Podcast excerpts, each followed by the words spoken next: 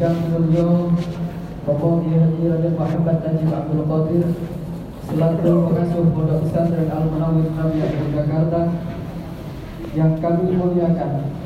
Segenap Dewan Pengasuh Pondok Pesantren Al Munawwir beserta Durian Siblan Kiai Haji Muhammad Munawwir yang kami hormati segenap jajaran pengurus takmir Masjid Al Munawwir Nabi Jakarta yang kami hormati pula Bapak Dr. Haji Abdul Mustaqim SAG MAD yang kami hormati segenap jamaah Masjid Al Munawwir Rabiatul Jakarta.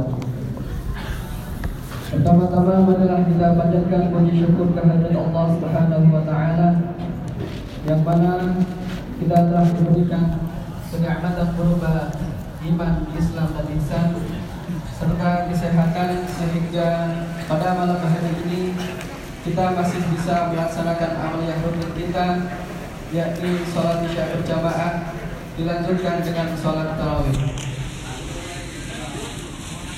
Senantiasa semoga kita selalu diberikan lindungan oleh Allah Subhanahu wa taala dan apa yang kita kerjakan semoga menjadi amal ibadah bagi kita semuanya. Amin amin ya rabbal alamin. Kedua kalinya sholawat serta salam semoga tetap tercurah kepada baginda Nabi Agung Nabi Muhammad Sallallahu Alaihi Wasallam. Allahumma sholli alaihi. Yang selalu kita nantikan syafaatnya hingga akhir kiamat. Amin amin ya rabbal alamin. Hadirin yang kami hormati, kami selaku pembawa acara akan menyampaikan urutan acara yang akan berlangsung pada malam hari ini. Yang pertama yakni pembukaan, dilanjutkan acara yang kedua yakni Mawidah Hasanah, Melanjutkan acara yang ketiga penutup.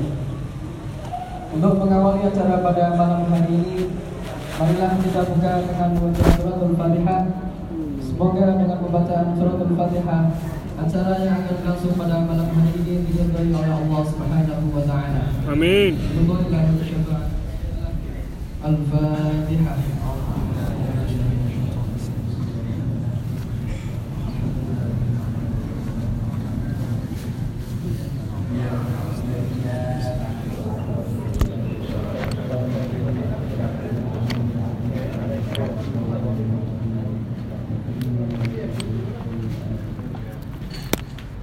Acara yang kedua yakni Maulidah Hasanah yang dalam hal ini akan disampaikan oleh beliau Bapak Dr. Haji Abdul Mustaqim SAG MAG. Perlu kami sampaikan biografi singkat beliau Bapak-bapak Dr.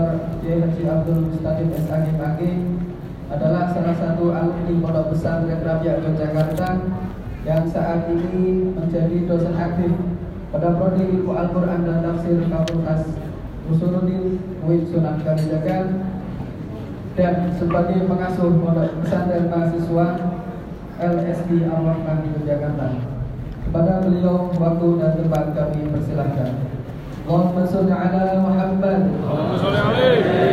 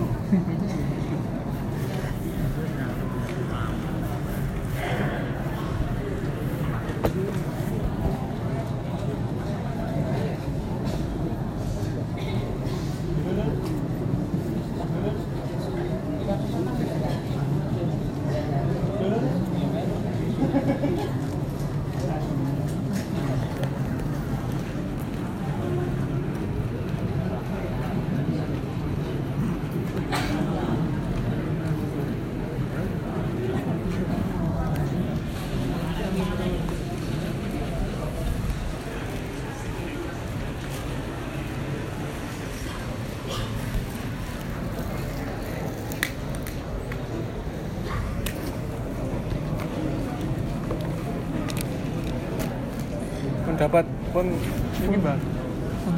Oh, sampun.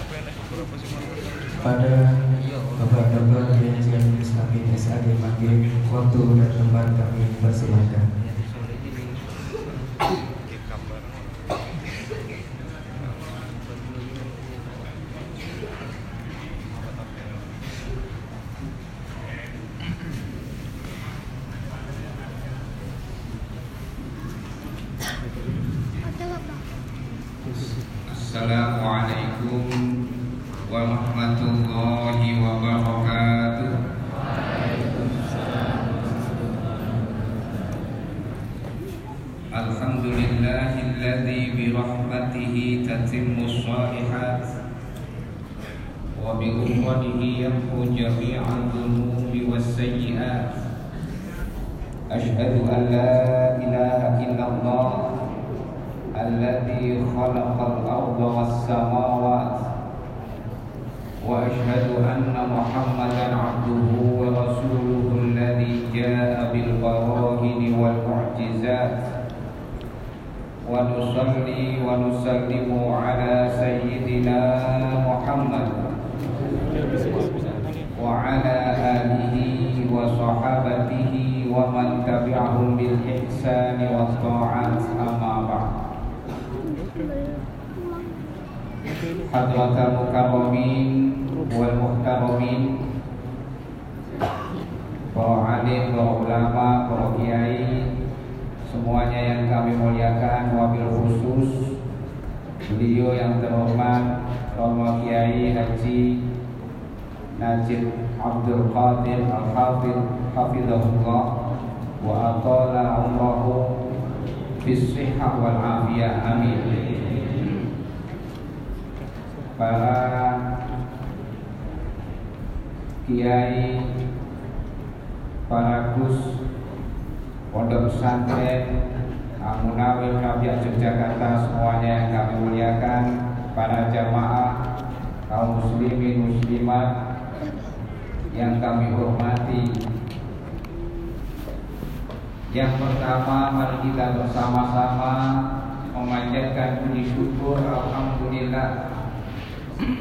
Kehadirat Allah Subhanahu wa taala bahwa pada malam hari ini kita bisa bersama-sama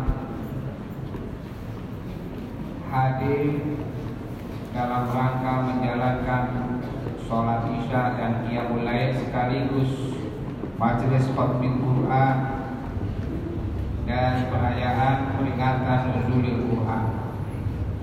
Tentu harapannya semoga hadir kita di majelis di Masjid Al-Munawir Rabiat Yogyakarta ini merupakan hadir yang dinilai sebagai amal baik mendapat ridho dari Allah Subhanahu wa taala. Allahumma.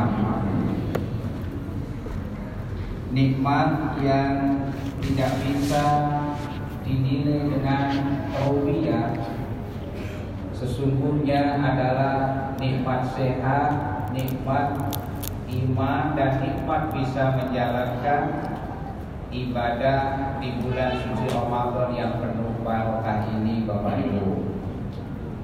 Tengoklah Yun Sewu ada sebagian saudara kita yang sekarang terkulai lemah di rumah sakit di ruang ICU tidak bisa menjalankan ibadah seperti Bapak Ibu jamaah sekalian. Ada orang yang mungkin semangat ibadahnya kuat tapi umurnya tidak panjang. Baru saja Ustaz Arifin Ilham masih muda, dia masih ada. Istrinya juga, tapi Allah punya rencana lain. Beliau tidak diberi umur panjang sebagaimana Bapak Ibu teman-teman semuanya. Ini artinya mohon maaf bahwa umur panjang yang Allah titipkan buat kita bagi kita orang yang beriman adalah kesempatan buat kita untuk berbuat kebaikan dan meningkatkan amal ibadah di mata Allah Subhanahu wa taala.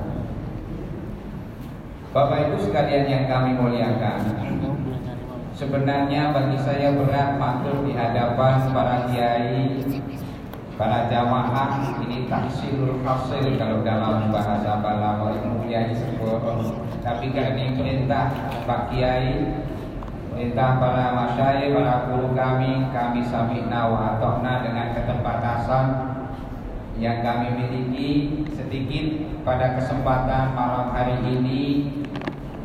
Saya ingin menyampaikan tentang hikmah nuzulul Quran maka setidaknya ada tiga pertanyaan pertama apa sebenarnya makna nuzul nuzulul Quran mengapa Al-Quran itu diturunkan dan untuk apa Quran diturunkan? Setidaknya tiga pertanyaan ini saja dalam kesempatan peringatan nuzulil Quran yang akan kita sampaikan. Kata nuzulil Quran atau nuzulul Quran itu kalau dalam bahasa pesantren namanya terkib idofi. Nuzul itu mudhaf, Al-Quran menjadi mudhaf ilaih. Nuzulul Quran itu berarti turunnya Al-Quran. Apa itu turun? Ma makna nuzul? An-nuzul huwa al-intiqal minal a'la ila asfal. Perpindahan dari posisi yang tinggi menuju yang lebih rendah itu namanya nuzul.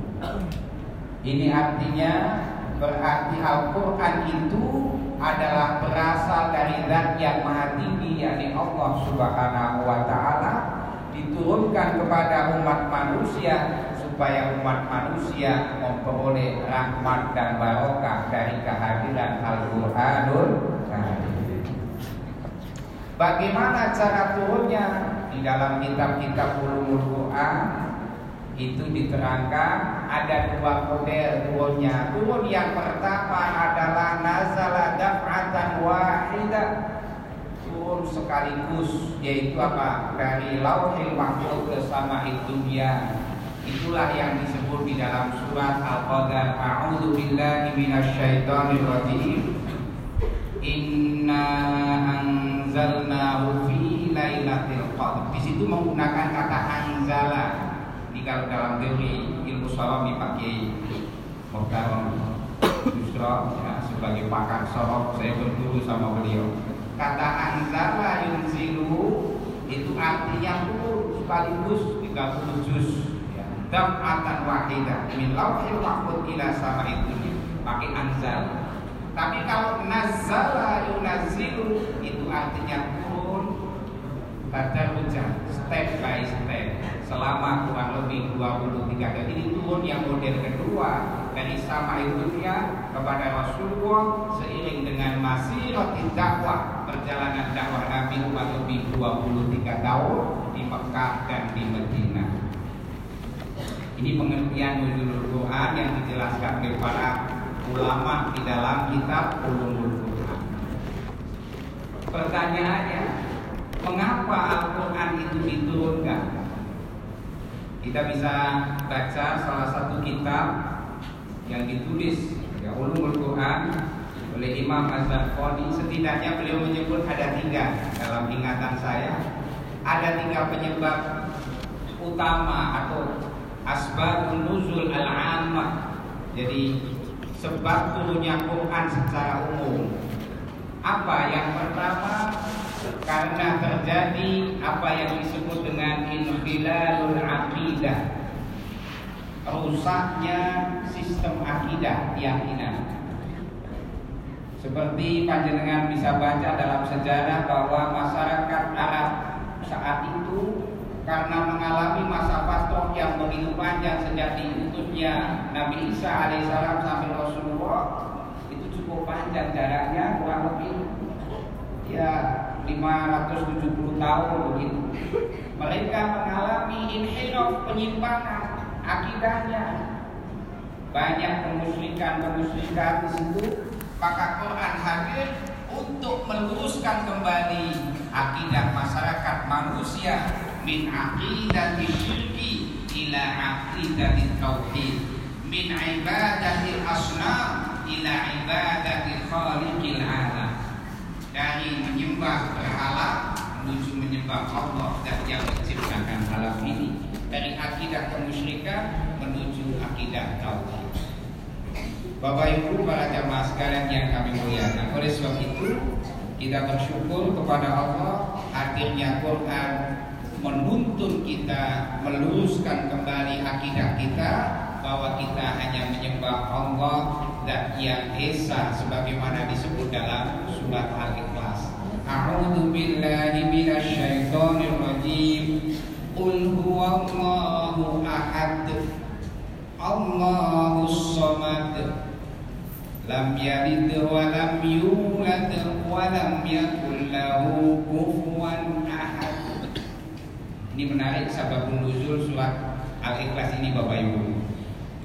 Jadi kalau kita baca sejarah Quran ya secara tartib nuzuli sebelum turun surat Al-Ikhlas ini Quran tidak menyebut, pernah menyebut kata Allah.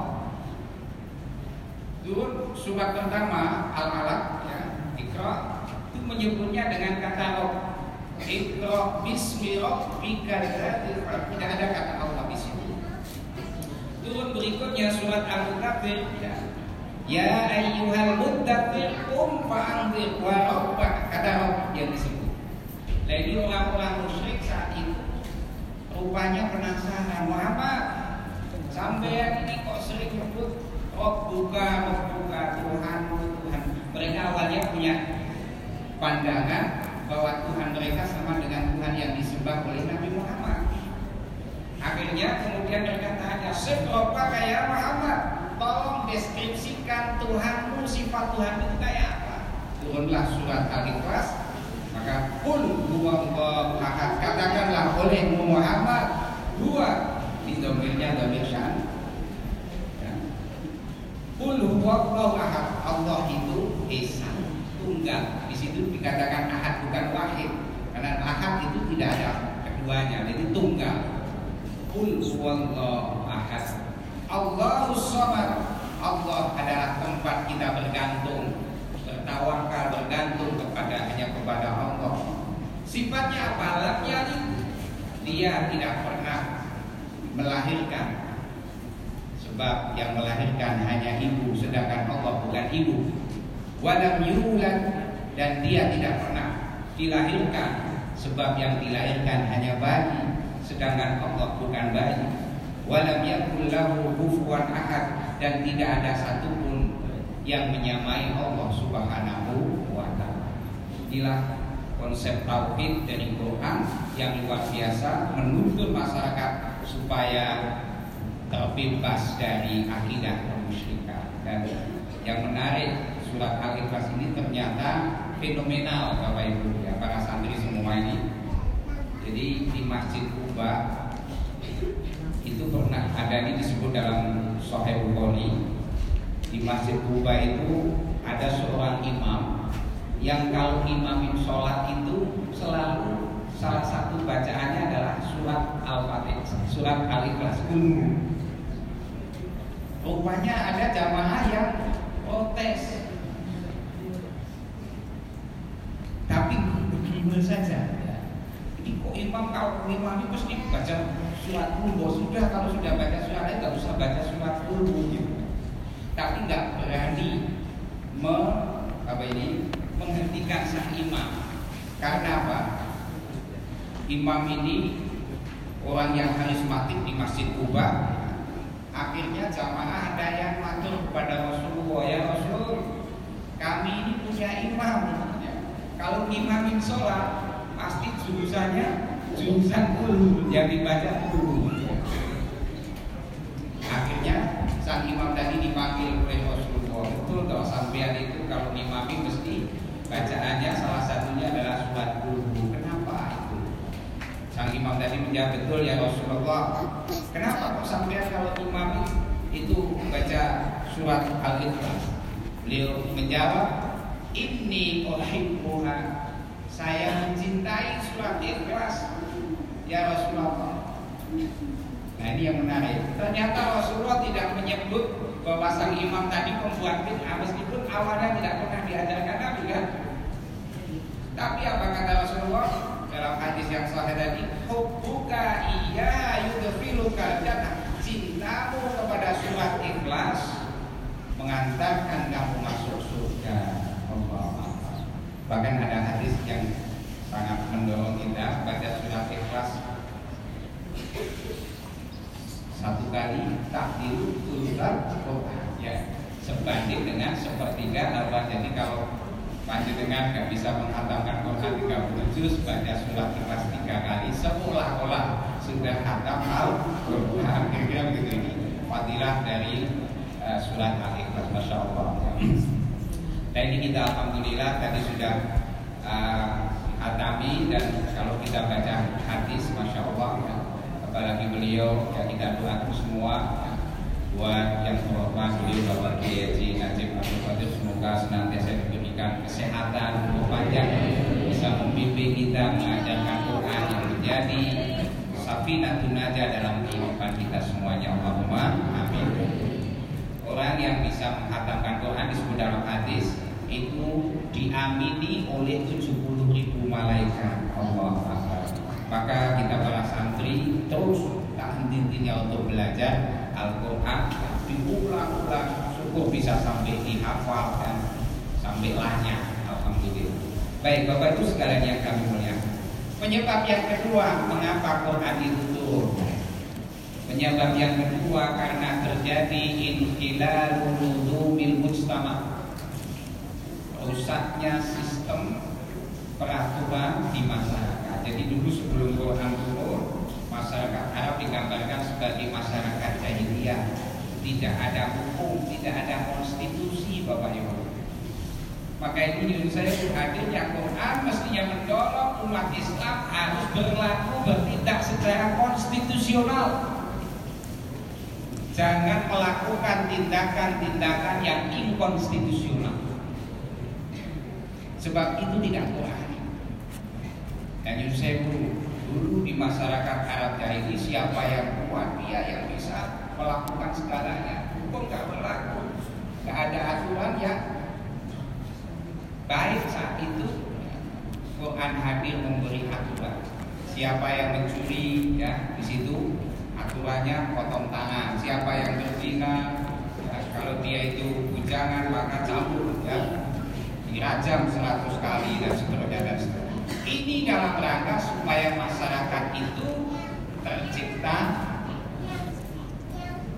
keamanan, kemudian teratur, ya, ada social order ya teratur karena ada aturan Nah insya Allah Bapak Ibu dengan hadirnya Quran ini menuntun kita supaya kita menjadi manusia masyarakat yang taat hukum. Saya Bapak Ibu mungkin bertanya Pak, tapi ini di Indonesia kan hukumnya dasarnya kita kok Pancasila. Kok bukan Quran dan hadis? Saya ingin sampaikan sedikit karena ini sering mohon maaf. teman Anda ini belum Islam kafah ya, tinggal di Indonesia karena dasar Anda itu Pancasila, bukan Quran hadis.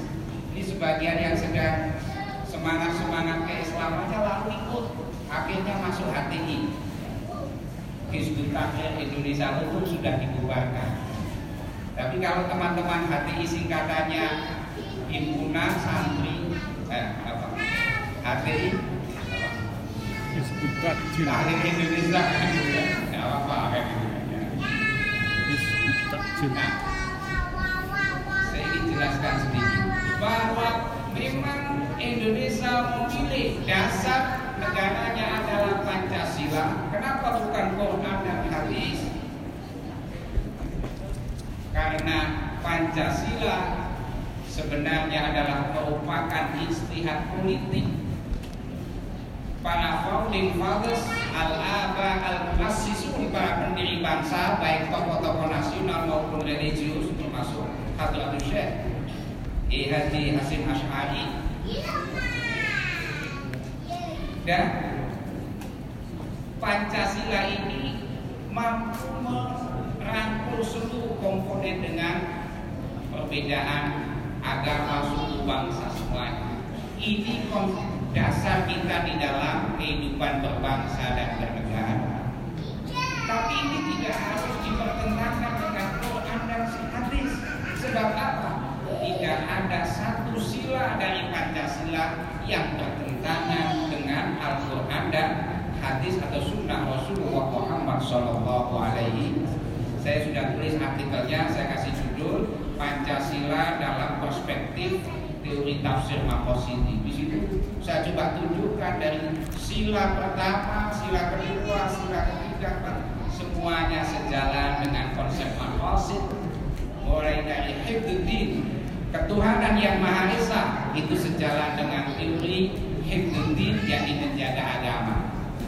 Kemanusiaan yang adil dan beradab itu sejalan dengan teori hifdzun nafas menjaga nafas ya. manusia, jiwa manusia, persatuan sama juga. Sampai sila keempat dan sila kelima keadilan, menjaga apa ini kemakmuran rakyat keadilan itu menjaga properti Indonesia berarti hibdul mal dan seterusnya seterusnya. Maka saya katakan bahwa Pancasila is not religion. Pancasila itu bukan agama. But Pancasila does not contradict to any religion. Tetapi Pancasila tidak bertentangan dengan agama mana pun. Termasuk dengan Islam sehingga tidak relevan mempertentangkan antara Pancasila dengan Quran dan Sebab isi kandungan Pancasila adalah nilai-nilai universal dari Al-Quran dan Sunnah Rasulullah Muhammad Sallallahu Alaihi Wasallam. Jadi panjenengan tidak usah terlalu galau kalau ada orang menyebut Indonesia apa uh, dengan dasar Pancasila lalu tauhid ini yang bahaya. Pancasila dianggap tauhid karena tauhid maka boleh lalu pendukung Pancasila dan seluruh aparatnya misalnya layak darahnya dihalalkan berbahaya dari cara berpikir kelompok-kelompok radikal tadi. Sehingga saya kira santri, para santri perlu terus untuk uh, mengkaji, belajar dan supaya tidak mudah disusupi oleh ideologi transnasional yang bisa membayangkan bagi tegak dan jadanya negara Republik Indonesia. Karena mohon maaf dulu saya masih ingat beberapa lima tahun, sepuluh tahun yang lalu saya sering didatangi ya dari teman-teman dari HTI yang mau diajak masuk ke sini. Saya katakan saya sudah cukup ya. dengan keyakinan saya saya belajar dari almarhum ya bagi Ali Maksum para kiai di itu sangat sejalan dengan semangat kita bahwa keislaman kita itu terintegrasi dengan keindonesiaan kita. Jadi semakin Islami tidak harus semakin Arab, tapi semakin Islami semakin cinta negara kesatuan Republik Indonesia. We are Indonesian Muslim and Muslim Indonesia. Kita ini orang Indonesia yang Islam dan orang Islam yang Indonesia. Itu. Bapak Ibu sekalian yang kami muliakan.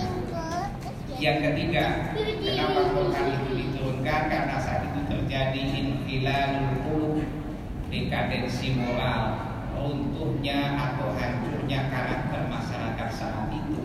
Quran hadir ini supaya mengembalikan manusia yang memiliki karakter yang luhur. Itu sebabnya Rasulullah juga mendeklarasikan Innama bu'ithu liutammimma makarimal akhlak. Saya diutus untuk menyempurnakan akhlak manusia.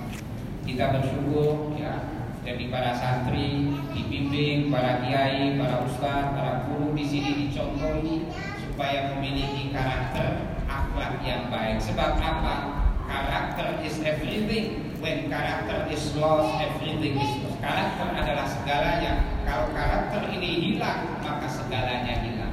Dan salah satu nilai yang sangat baik ya, dan terus kita pertahankan dari kalangan santri adalah tentang akhlakul karimah.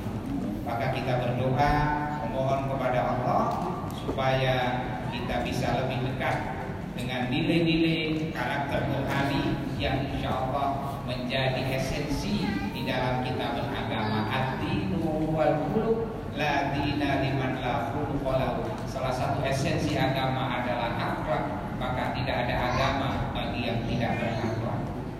Wa innamal humamul akhlaqu ma baqiyat wa in humu dhahabu kita bersyukur dikasih contoh bagaimana kita harus tawadu ya dengan guru, dengan sesama, dengan yang lebih senior, yang yang senior mencintai yang junior, yang junior menghormati yang senior dan seterusnya. Itu adalah tuntunan dari ajaran Al-Quran dan Sunnah Rasulullah Muhammad Sallallahu Alaihi Wasallam. Bapak Ibu sekalian yang kami terakhir sekarang, sekarang apa tugas kita terhadap? setidaknya ada dua. Yang pertama adalah al-iman bihi. Kita mengimani Al-Qur'an. Yang kita imani itu seluruh Al-Qur'an, tidak boleh mengimani sebagian, mengkufuri sebagian. Berapa jumlah ayat Al-Qur'an seluruhnya? Berapa mas? Ya itu kalau yang dulu waktu kita kecil 6000 6000 Yang betul berapa? Enam ribu dua ratus tiga puluh enam. Ya nanti dengan itu ya. Meskipun nanti sedikit banyak ada perbedaan di kalangan para ulama cara menghitung ya. Tapi eh, jadi enam ribu dua ratus tiga puluh enam ya. Total. Itu harus kita imani. Anna anna wahyu minallah. Bahwa ayat-ayat Quran itu adalah wahyu dari Allah termasuk mohon maaf apa? Al-ahruf al-muqaddamah itu mulai dari alif lam mim yasin dan sebagainya. Itu bagian dari al-Quran. Satu. Mengimani yang kedua. Mengimani bahwa Al-Quran apa? La raiba tidak ada keraguan mengenai kebenaran Al-Quran keraguan tentang kebenaran yang dibawa dari ajaran Al-Quran yang kedua setelah kita mengingat tugas yang kedua adalah at-ta'allum bil Quran mengkaji Al-Quran. Imma min haitsu al-qiraah mengkaji dari sisi bacaannya cara membacanya di sinilah pusatnya di pondok pesantren Al Munawir Kerapian Yogyakarta sebagai pesantren ya markas di Dirasatil Quran pusat studi Quran kita bersyukur bisa nyantri di Kerapian ya di Al Munawir karena ini menjadi sejarah pondok Quran tertua ya. setidaknya di Jogja ya, masya Allah bahkan bisa jadi ya di daerah Jawa Tengah semua guru-guru sananya nyambung kepada Kiai Muhammad ya. Mempelajari cara bacanya penting. Jangan sampai mohon maaf ini saya punya kawan dosen dulu cerita. Karena ngaji Qurannya tidak lagi dengan kiai ya dengan ustadz yang fiqh yang pilih sekali. A'udhu billahi minasyaitonir rajim Bacanya Alamma Zalikal Alamma Pasti ngajinya gak sama kiai itu ya. Mestinya ngajinya Alif Lam Mim Zalikal kita Mula Raiba Itulah pentingnya talaki maka saya kalau sering uh, bilang kepada para mahasiswa sampean kalau ngaji Quran tidak lagi sama kuli itu bid'ah. Kenapa? Karena Rasulullah itu tidak lagi dengan malaikat Jibril bahkan setiap di bulan suci Ramadan Mudarasa yudarisu ya mengaji bersemaan dengan malaikat Jibril. Nah, maka saya pesan pada para santri hatamkan ngaji Quran kalau tidak bisa sampai bil hifdi ya atau bil minimal dengan bin Allah khatam di hadapan para kiai disemak dari surat Al-Fatihah sampai surat An-Nas. Karena inilah yang sejalan dengan sunnah Rasulullah Muhammad Shallallahu Alaihi Wasallam. Itu lebih berkaitan dengan bacaannya. Yang kedua berkaitan dengan kontennya. Di sinilah butuh tafsir. Al-Quran yahtas ila tafsir. Maka kalau ada apa itu jargon yang sering menyebut al-ujub ila Quran wa sunnah saya selalu berkata kaifa nahnu narji ila Quran wa sunnah bagaimana cara kita merujuk atau kembali kepada Quran apakah cukup dengan terjemah saya katakan nahdaj ila tafsir maka perlu merujuk kepada tafsir-tafsir para ulama sebab mohon maaf saya cerita sedikit uh, ada pengalaman menarik waktu saya ngajar di sekolah tinggi ilmu ekonomi di Kota Baru saat itu kira-kira 15 tahun yang lalu. Ada cerita sedikit menarik begini. Ada seorang ustaz, dia pidato di hadapan jamaah. Pidatonya itu begini. Saudara-saudara, yang iuran karpet di masjid itu masuk neraka. Jamaah semua, kok bisa iuran karpet di masjid dibilang masuk neraka? Ustaz tadi menyebut karena itu perbuatan mubazir katanya. Lalu kutip ayat innal mubadzirina kanu ikhwan asyayatin. Sesungguhnya orang-orang yang berbuat mubazir temannya setan. Dia menganggap iuran karpet itu mubazir karena apa? E, di masjid sudah ada keramiknya kok masih dikasih karpet. Maka itu mubazir mubazir temannya setan. Setan itu kafir, kafir itu di neraka. Membimbing logika seperti ada orang yang nggak terima kalau diculik kita mau ngejulok kita ini tapi dilerai oleh mahasiswa tadi singkat cerita inilah bahaya orang yang ingin arujuk ilal Quran tapi tidak kembali kepada tafsir. Hanya pada terjemahan doa dewe. Lalu memfonis siap turunan kafir dianggap mubazir mubazir temannya setan setan itu kafir lalu kafir itu Padahal menurut saya Bapak Ibu, kalau kita telah lebih jauh, iuran karpet di masjid saya tanya, ada manfaatnya Ada. Kita bisa nyaman sholat di sini ya, yang mau intikam juga tidak kedinginan ya. Apalagi yang sudah sepuh-sepuh, suka kalau sudah sepuh itu biasanya kena penyakit B12. Boyon, ya, beser, ya, budak, ya, macam-macam ada karpet nyaman bisa sholat lebih nyaman. Jadi pernyataan bahwa iman karpet mubatir sebenarnya batal dengan sendirinya sehingga kesimpulan mengatakan bahwa iman karpet kafir dan masuk neraka tertolak secara otomatis contoh bahwa aluju ila tidak cukup hanya dengan terjemah apalagi adik sendiri tapi butuh tafsir maka belajar tafsir menjadi penting supaya kita bisa mengetahui isi kandungannya secara lebih dalam dan titik. Sambil contoh, pertanyaannya saya kutipkan dari kajian yang saya pelajari dari tafsirnya Mbak Kiai Soledara. Mengapa di surat Al-Fatihah itu kok ayatnya iya karena butuh wa iya karena stain ada rahasia apa itu kok kok pakai jamak iya hanya kepadamu ya Allah nak butuh kami menyembah wa iyyaka dan hanya kepada nasta'in kami mohon pertolongan.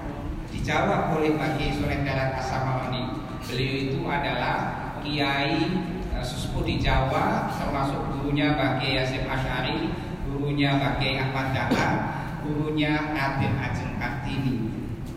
Seorang sufi di samping juga ahli tafsir, ahli tasawuf. Beliau menjelaskan begini. Satu penjelasannya rahasia. Kenapa pakai jamak iya karena wa iya karena stain? Itu memberi isyarat bahwa ketika kita sholat upayakan sholat dengan cara berjamaah. Maka butuh kami menyebabkan berjamaah. Alasan pertama. Alasan kedua dari sisi tasawuf kata beliau karena ketika kita sholat mestinya sholatnya bukan hanya fisik Jengkang jengking rukuknya enggak Tapi yang sholat itu ya jasadnya, ruhnya, dan sir Sir itu yang untuk makrifatullah Jadi tiga-tiganya ikut itu. Maka ketika kita katakan iya karena butuh iya karena sa'id Mendorong bahwa ketika kita sholat pun Fisik, roh kita, sir kita Bisa ikut sholat menghadap Allah subhanahu wa ta'ala. Itu salah satu pentingnya belajar ini. Ada dimensi-dimensi yang kadang-kadang tak terpikir kita baca tafsir kita ditunjukkan oleh para ulama ya karena kedalaman ilmunya sehingga tidak bisa uh, sedikit bertambah ilmunya memahami ayat Quran tadi. Kenapa kok nak butuh dulu kalau ayat ini teori dalam kerja ya. Nak butuh menyembah kalau nak butuh kita beres maka insya Allah istianahnya juga pertolongan Allah juga akan jadi nak butuh kewajiban kita. Setelah kewajiban kita laksanakan hak untuk mohon pertolongan kepada Allah oleh kita. Kalau kita tidak pernah butuh, jangan menutup hak untuk minta tolong kepada Allah. Kan gitu.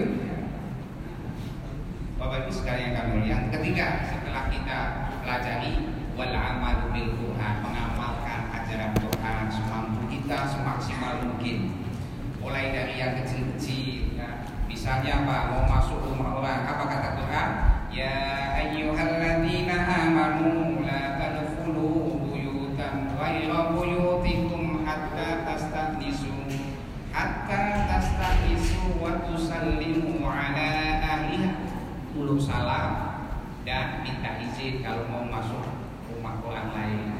Ini kepada orang tua ya, kita harus berbakti. Ya, saya pesan kepada para santri kalau pulang sebaiknya membantu orang tua di mau liburan jangan jadi bos orang tuanya yang apa susah payah kita sebagai anak malah tidak membantu kerepotan. Jangan sampai.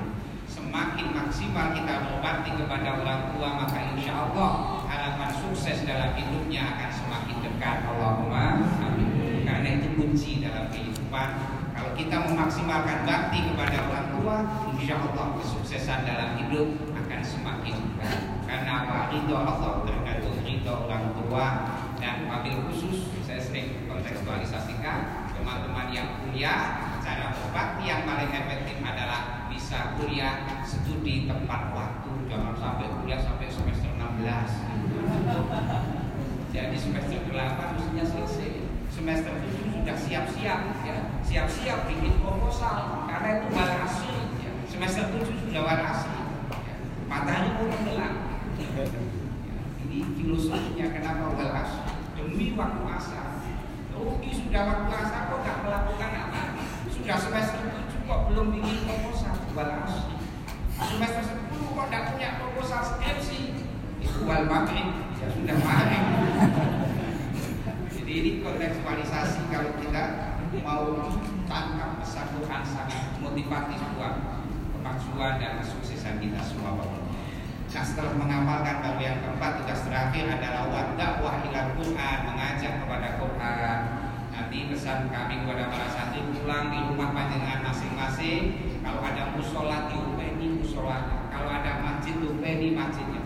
Ada santri tiga pengen ngaji ke panjenengan ya meskipun tiga datang di, diajari.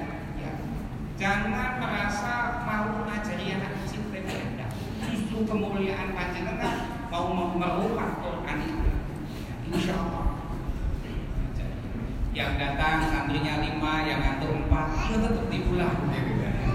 Itulah dulu pesan para kiai di kerapian di pesantren Alun Nawir ini bahwa kita harus mencintai Quran. Sempatkan waktu untuk mengajar Quran ya, apa pun profesi nanti panjenengan tidak open itu masjid, musola, majelis-majelis ilmu. Karena inilah insya Allah yang uh, akan menjadi bagian dari kita mengamalkan kewajiban kita terhadap Tuhan yang takwa. Saya kira demikian sedikit yang bisa kami sampaikan Bapak Ibu dan para jamaah sekalian. Kami mohon maaf apabila dalam ucapan tutur kata kami ada yang kurang berkenan. Mohon maaf lahir dan batin. Ada